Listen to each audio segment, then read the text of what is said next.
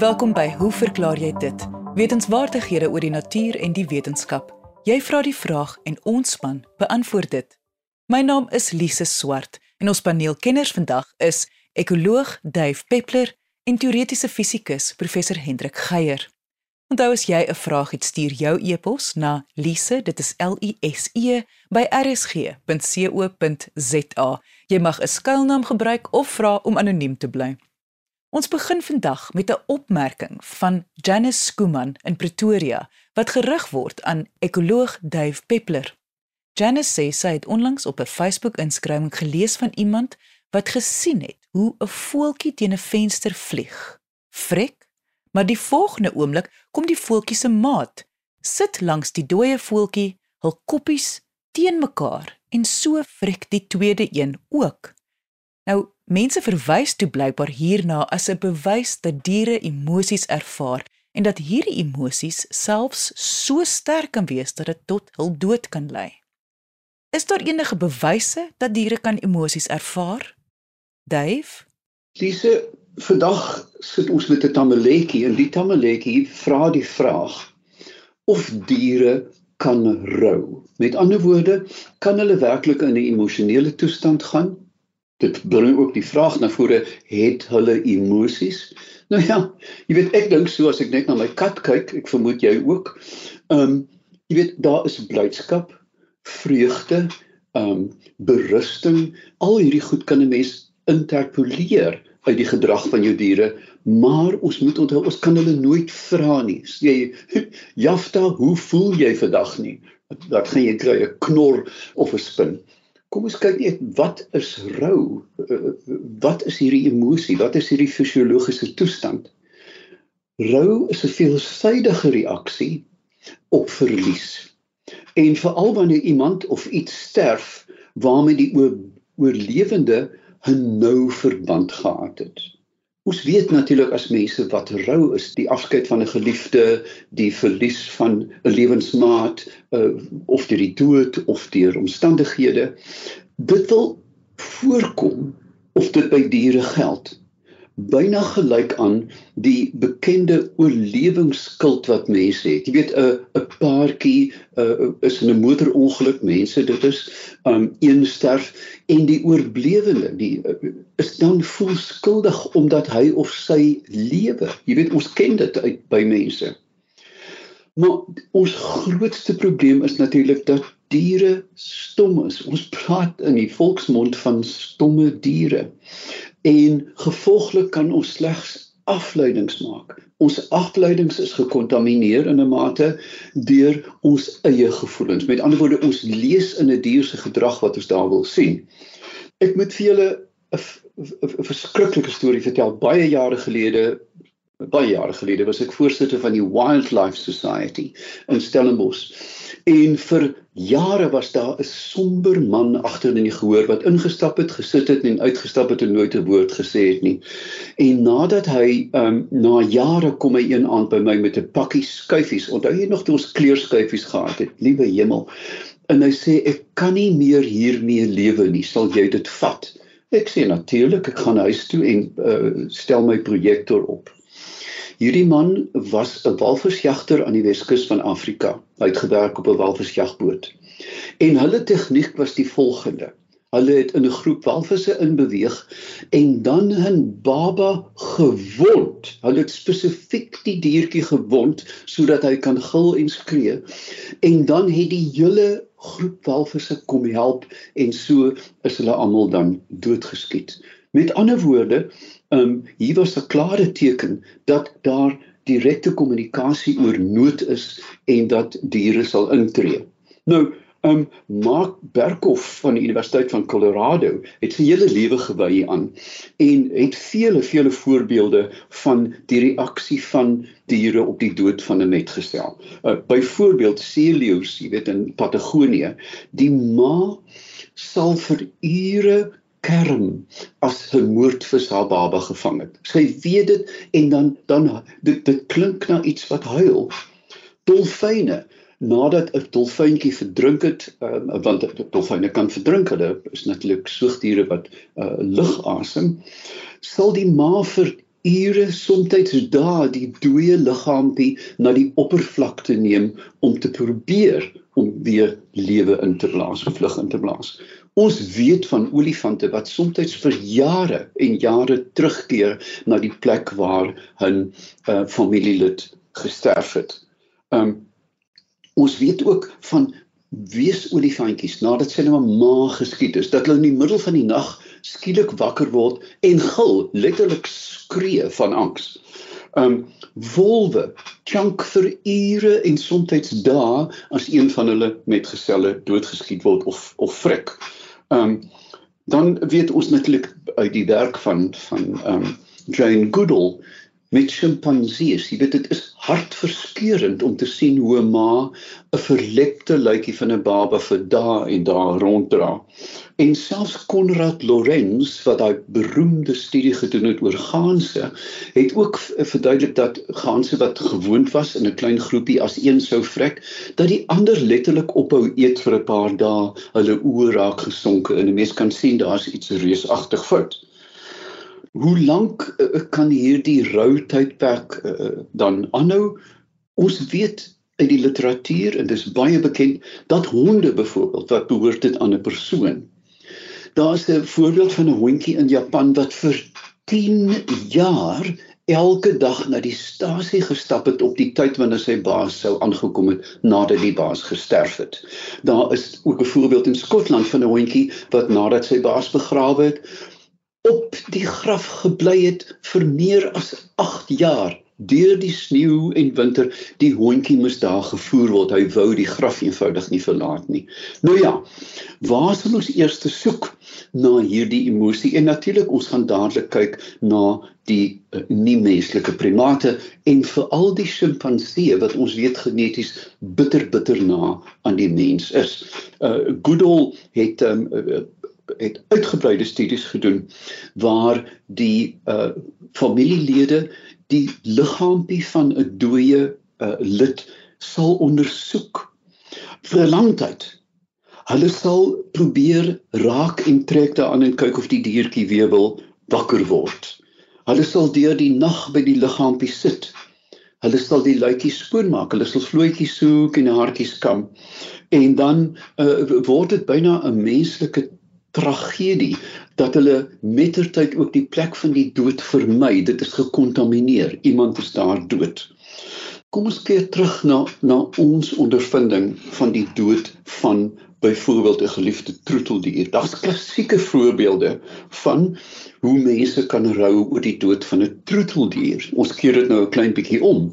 En hoe meer jy die dier verpersoonlik, met ander woorde, as jy As jy 'n werfhond het wat net eenvoudig moet blaf vir diewe en die sou vrek, dan uh, kry jy 'n ander een. Maar as dit 'n uh, pickles is wat op jou bed slaap en elke oggend 'n lang gesprek met jou voer, dan verander die hele dinamika. Omgekeerd moet 'n mens dan ook aanvaar dat die dier soortgelyke emosies mag toon. Ons kan dit eenvoudig nie bewys nie dit bring my na sekere groeperings van mense en ek dink veral aan die Jains van Indië. Jy weet daar's altyd grappende gewys na hulle verwys dat hulle is effens gek. Hulle is so bewus van diere lewe om hulle dat die toegewyde Jains loop met 'n besem van vere en vee letterlik so ver hulle stap ingeval hulle 'n muur sal doodtrap. Nou ja, dit klink vir ons Westernaars 'n klein bietjie ekstreem, maar nou moet ons begin dink wat gaan aan in die koppe van hoenders in 'n hoenderplaas? Wat gaan aan in die koppe van varke wat onder intense on, intense omstandighede binne huis saamgeprop word? Is daar nou verwantskappe? Soek hulle troos by mekaar? Kry hulle troos? Ons weet nie. En daarom dink ek dat ons moet net as 'n veiligheidsfaktor versigtig omgaan met diere want mag ons vergewe word as ons nie weet wat ons aan hulle doen nie. En dit was ekoloog Duif Peppler. Jy luister na, hoe verklaar jy dit? My naam is Lise Swart en ons gaste vandag is ekoloog Duif Peppler en teoretiese fisikus professor Hendrik Geier. Volgende gaan eintlik hierdie teoretiese fisikus professor Hendrik Geier vir ons die vraag beantwoord en die vraag kom van Jurgens Martens. Wat is die tuigheid aan hegpleisters en kleeflint en hoe word dit daaraan aangebring? Professor Geier. Aan die begin Jurgens wil ek beklemtoon dat wanneer ons oor plak of kleefmiddels praat, ons eintlik praat oor kragte op die molekulêre vlak. So ons sal bietjie nader moet kyk oor watter tipe kragte is daar ter sprake tussen twee molekules wanneer hulle naby aan mekaar gebring word. En voor ek daarby kom, moet ons miskien net eers weer 'n slag die skaal waarop hierdie goed gebeur probeer illustreer. So molekules en atome is goed wat tipies nanometers groot is. So hulle hulle bestaan op die nanometer skaal om dit nou in konteks te plaas as jy nou uh, na haar gaan kyk. So 'n mens haar is omtrent so 20 tot 200 mikrometer wyd. Dit wil sê 20 tot 200 maal 10 tot mag minus 6 meter. Nou as 'n mens jou, jou nou voorstel jy vergroot 'n haar tot hy uiteindelik 'n meter wyd is en dan vra op daai skaal hoe groot is die goed wat nou op die nanometer skaal bestaan. Dit wil sê atome en molekules. Dan moet jy nou 10 tot die mag minus 9 met so 10 tot die mag 4, 10 tot die mag 5 vermenigvuldig, dan kry jy omtrent so 'n tiende tot 'n honderdste van 'n millimeter. So vergeleke met 'n haar wanneer hy 'n meter wyd is, sal 'n atoom of 'n molekuule nog steeds omtrent maar 'n tiende of 'n honderdste van 'n millimeter groot wees. So dit is baie klein. Mens kan jy dit nie regtig uh, anders as op hierdie soort van vergelykende basis voorstel. Maar uh, met dit gesê, kan ons nou 'n bietjie nader kyk na die soort kragte wat ter sprake is. En die eerste onderskeid wat 'n mens sou moet tref wanneer jy oor kleefmiddels praat is om te onderskei tussen wat genoem word adhesie en kohesie. So adhesie is ter sprake wanneer uh dinge van verskillende tipes aan mekaar vasklou en kohesie is wanneer dieselfde soort goed aan mekaar vasklou en 'n mooi illustrasie hiervan is as jy jou vinger in water doop en daar uittrek dan val daar so 'n paar druppeltjies af. Uh een druppeltjie sal tipies aan die punt van jou vinger bly hang en die krag tussen die waterdruppeltjie en jou vinger of vel is wat 'n mens as adhesie sou beskryf. So dit is sover nou nog net 'n naam, geen ander inligting nie. En die druppeltjie self vorm as gevolg van kohesie tussen die watermolekules self. So hulle rangskik hulle uiteindelik in 'n in 'n druppelvorm omdat hulle op mekaar kragte uitoefen en daardie kragte tussen dieselfde watermolekules noem is 'n voorbeeld van kohesie. So nou kom ons kyk nou 'n bietjie nader na watter tipe kragte is ter sprake by wyde adhesie en kohesie. Aan die een kant kan 'n mens praat van fisiese kragte, dan kan 'n mens praat van chemiese kragte en hoewel elektrostaties natuurlik ook fisies is, onderskei ons hier wanneer ons van fisiese kragte praat, praat ons eintlik van 'n ineenvlegging of 'n ineenskakeling van molekules. Met ander woorde, uh een groep molekules wat hulle pad sê maar tipies op die oppervlak van 'n ander van 'n materiaal kry en as dit ware tussen die holtetjies en gaatjies in beweeg uh en op hierdie manier 'n hegting bewerkstellig. Mens kan dit makliker voorstel as jy aan 'n aan 'n legkaart dink. Die die situasie is nie veel anders nie die uiteindelike hegting wanneer ons praat van 'n fisiese klewing of fisiese hegting vervlegting van so 'n aard is dat 'n mens die goed nie maklik uitmekaar uit kan kry nie. En die mate waartoe jy daai legkaart gepak kry, hang dikwels af van 'n bietjie druk wat jy uitoefen en ons is almal daarmee vertrou dat as jy 'n uh, pakkie toegedraai het en met kleeflint toeplak, dan help dit om so bietjie te druk op daai kleeflint op die papier en sit hy soveel te beter daar vas. En nou terloops as 'n mens praat van jou vinger in water in insteek en uithaal en dan die druppeltjie kyk wat daar uiteindelik bly hang, uh, bring dit 'n mens ook by die konsep van benatting in Engels word dit genoem wetting. En dit is 'n 'n term wat die die vloei van 'n plakmiddel tussen die klein onewerhedighede van die oppervlak waaraan dit geplak word beskryf. En daardie proses word dikwels aangehelp deur druk soos 'n mens sou kan voorstel en dis presies die toedrag van sake wanneer 'n mens kyk na die tipiese kleeflint 'n hegpleister of kleeflint is wat jy gebruik vir verskillende ander doeleindes.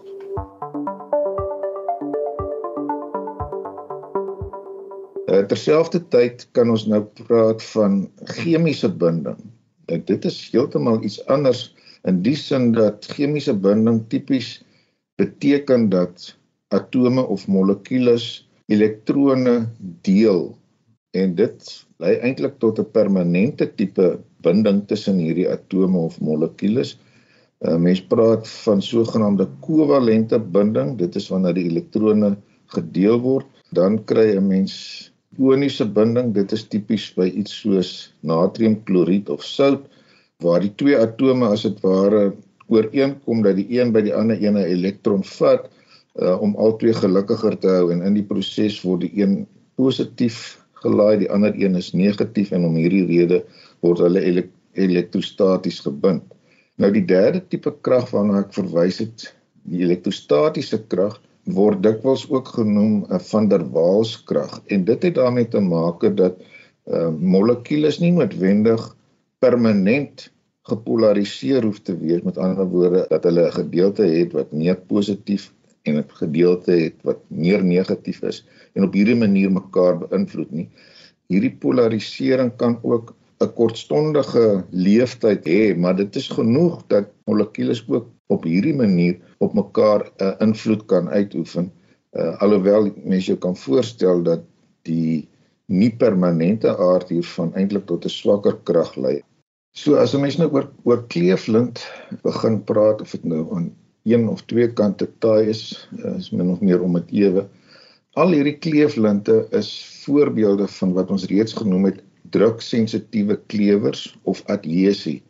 So die oppervlak van so 'n kleeflint het iets daarop wat as jy dit op 'n ander oppervlak sit en 'n bietjie druk, dan vloei daardie kleefmiddel as dit ware in die holtes van die oppervlak waaraan jy dit wil laat kleef en op hierdie manier deurdat jy hegting soos ek reeds gesê het op 'n soort van 'n legkaart manier bewerkstellig, bly die goed aan mekaar.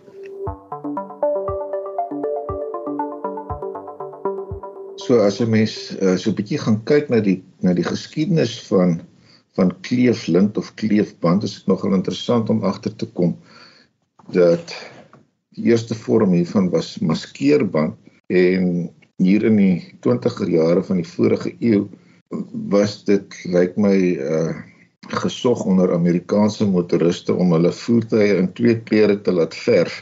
En die manier waarop hierdie verf projek tipies aangepak was was natuurlik om 'n gedeelte wat nou nie een van die kleure moes bevat nie uh af te skerm of te maskeer. En dit is tipies gedoen met gomme van die tyd en papier maar die gomme van daai tyd is natuurlik goed wat met die tyd geset en hard geword het so om dit weer af te kry was op sigself 'n uitdaging geweest.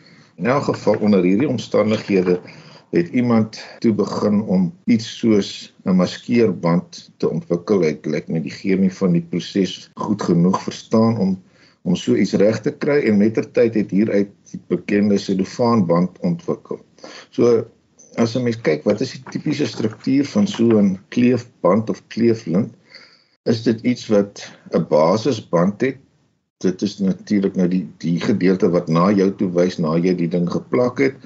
Uh, dit is tipiese plastiekbasis, selfs papierbasis of soos in die geval van mediese hegpleister 'n materiaalbasis. Dan daarop word dan tipiese soos wanneer jy op rou sement verf 'n grondlaag of 'n onderlaag aangebring om hegting tussen wat jy nou daar beet het en die kleefmiddel uiteindelik te bewerkstellig en op hierdie grondlaag word dan uiteindelik die kleefmiddel aangebring. Nou hierdie kleefmiddels is uiteindelik omtrent deur die bank almal polimere van organiese molekules. 'n Mens kan jou voorstel dat jy eintlik die analogie het van krale wat langs 'n string geryg word, so enkele krale is dan 'n monomeer en die hele string is uiteindelik 'n polimeer. Wat 'n mens hierby kan sê is dat hierdie kleefmiddel het wat 'n mens noem tipies 'n lae oppervlak energie. Dit wil sê uh, die oppervlak molekules van so 'n kleefmiddel kan gereedelik rond beweeg en soveel te meer so as daar druk op hulle toegepas word en dit is hoekom as jy die die kleeflint op iets aangebring het en daarop 'n bietjie druk toepas dan druk jy as dit ware hierdie lang polimere in die gaatjies en holtes van die oppervlak waarop jy wil plak en dan word die hegting op hierdie manier bewerkstellig. Nou die die die soort polimere wat ter sprake is is van verskillende soorte. Uh hulle word gekies na gelang van uh, watter tipe plakwerk in gedagte gehou word. So hulle is almal of rubberagtig of akrielagtig of silikonagtig. Uh, dit hang af van die van die tipe kleefmiddel wat jy probeer bereik.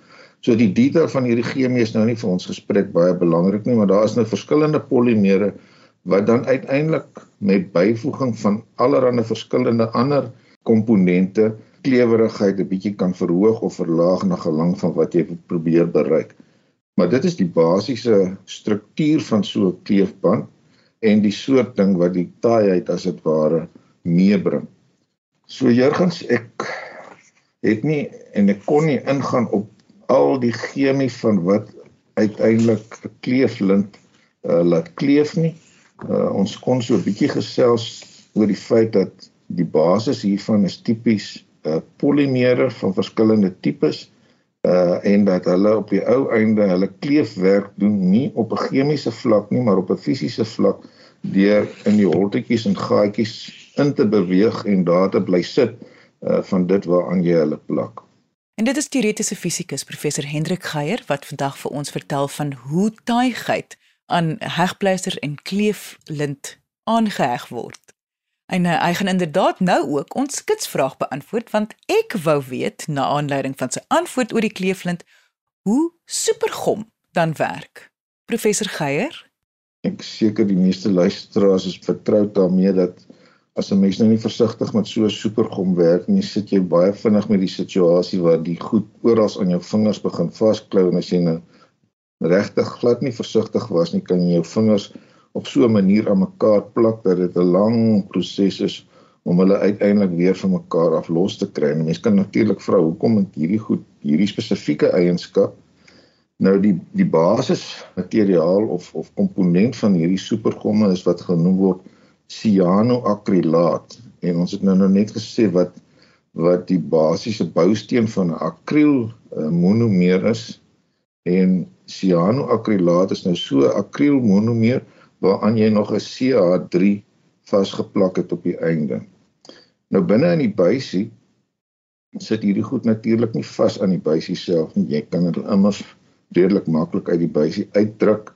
Wat hulle besonder maak is dat wanneer hulle aan enige vog blootgestel word en dit kan maar baie klein hoeveelhede vog wees om die waarheid sê as dit te veel vog is kan hulle nie hulle werking uh, goed deurvoer nie, maar 'n klein bietjie vog, dit wat in die lug is of op jou vel, want op jou vel is daar tipies ook maar 'n bietjie vogtigheid, lei daartoe dat daar baie vinnige polimerisering is. So miskien nie weer beklemtoon dat binne in die buisie is hierdie goed nou nog in enkele monomere, maar wanneer hulle aan 'n bietjie vog blootgestel word, vorm hulle skielik en baie vinnig lang kettinge en hierdie kettinge kan as dit ware hulle tentakels nou oral in die holtetjies en gaatjies inkry van waarop hulle geplak word. So dit is wat aan hierdie supergomme die besondere eienskap gee dat hulle feitelik oombliklik hulle plakwerk reg kry en dat dit ook 'n besondere hegte plak uiteindelik bewerkstellig.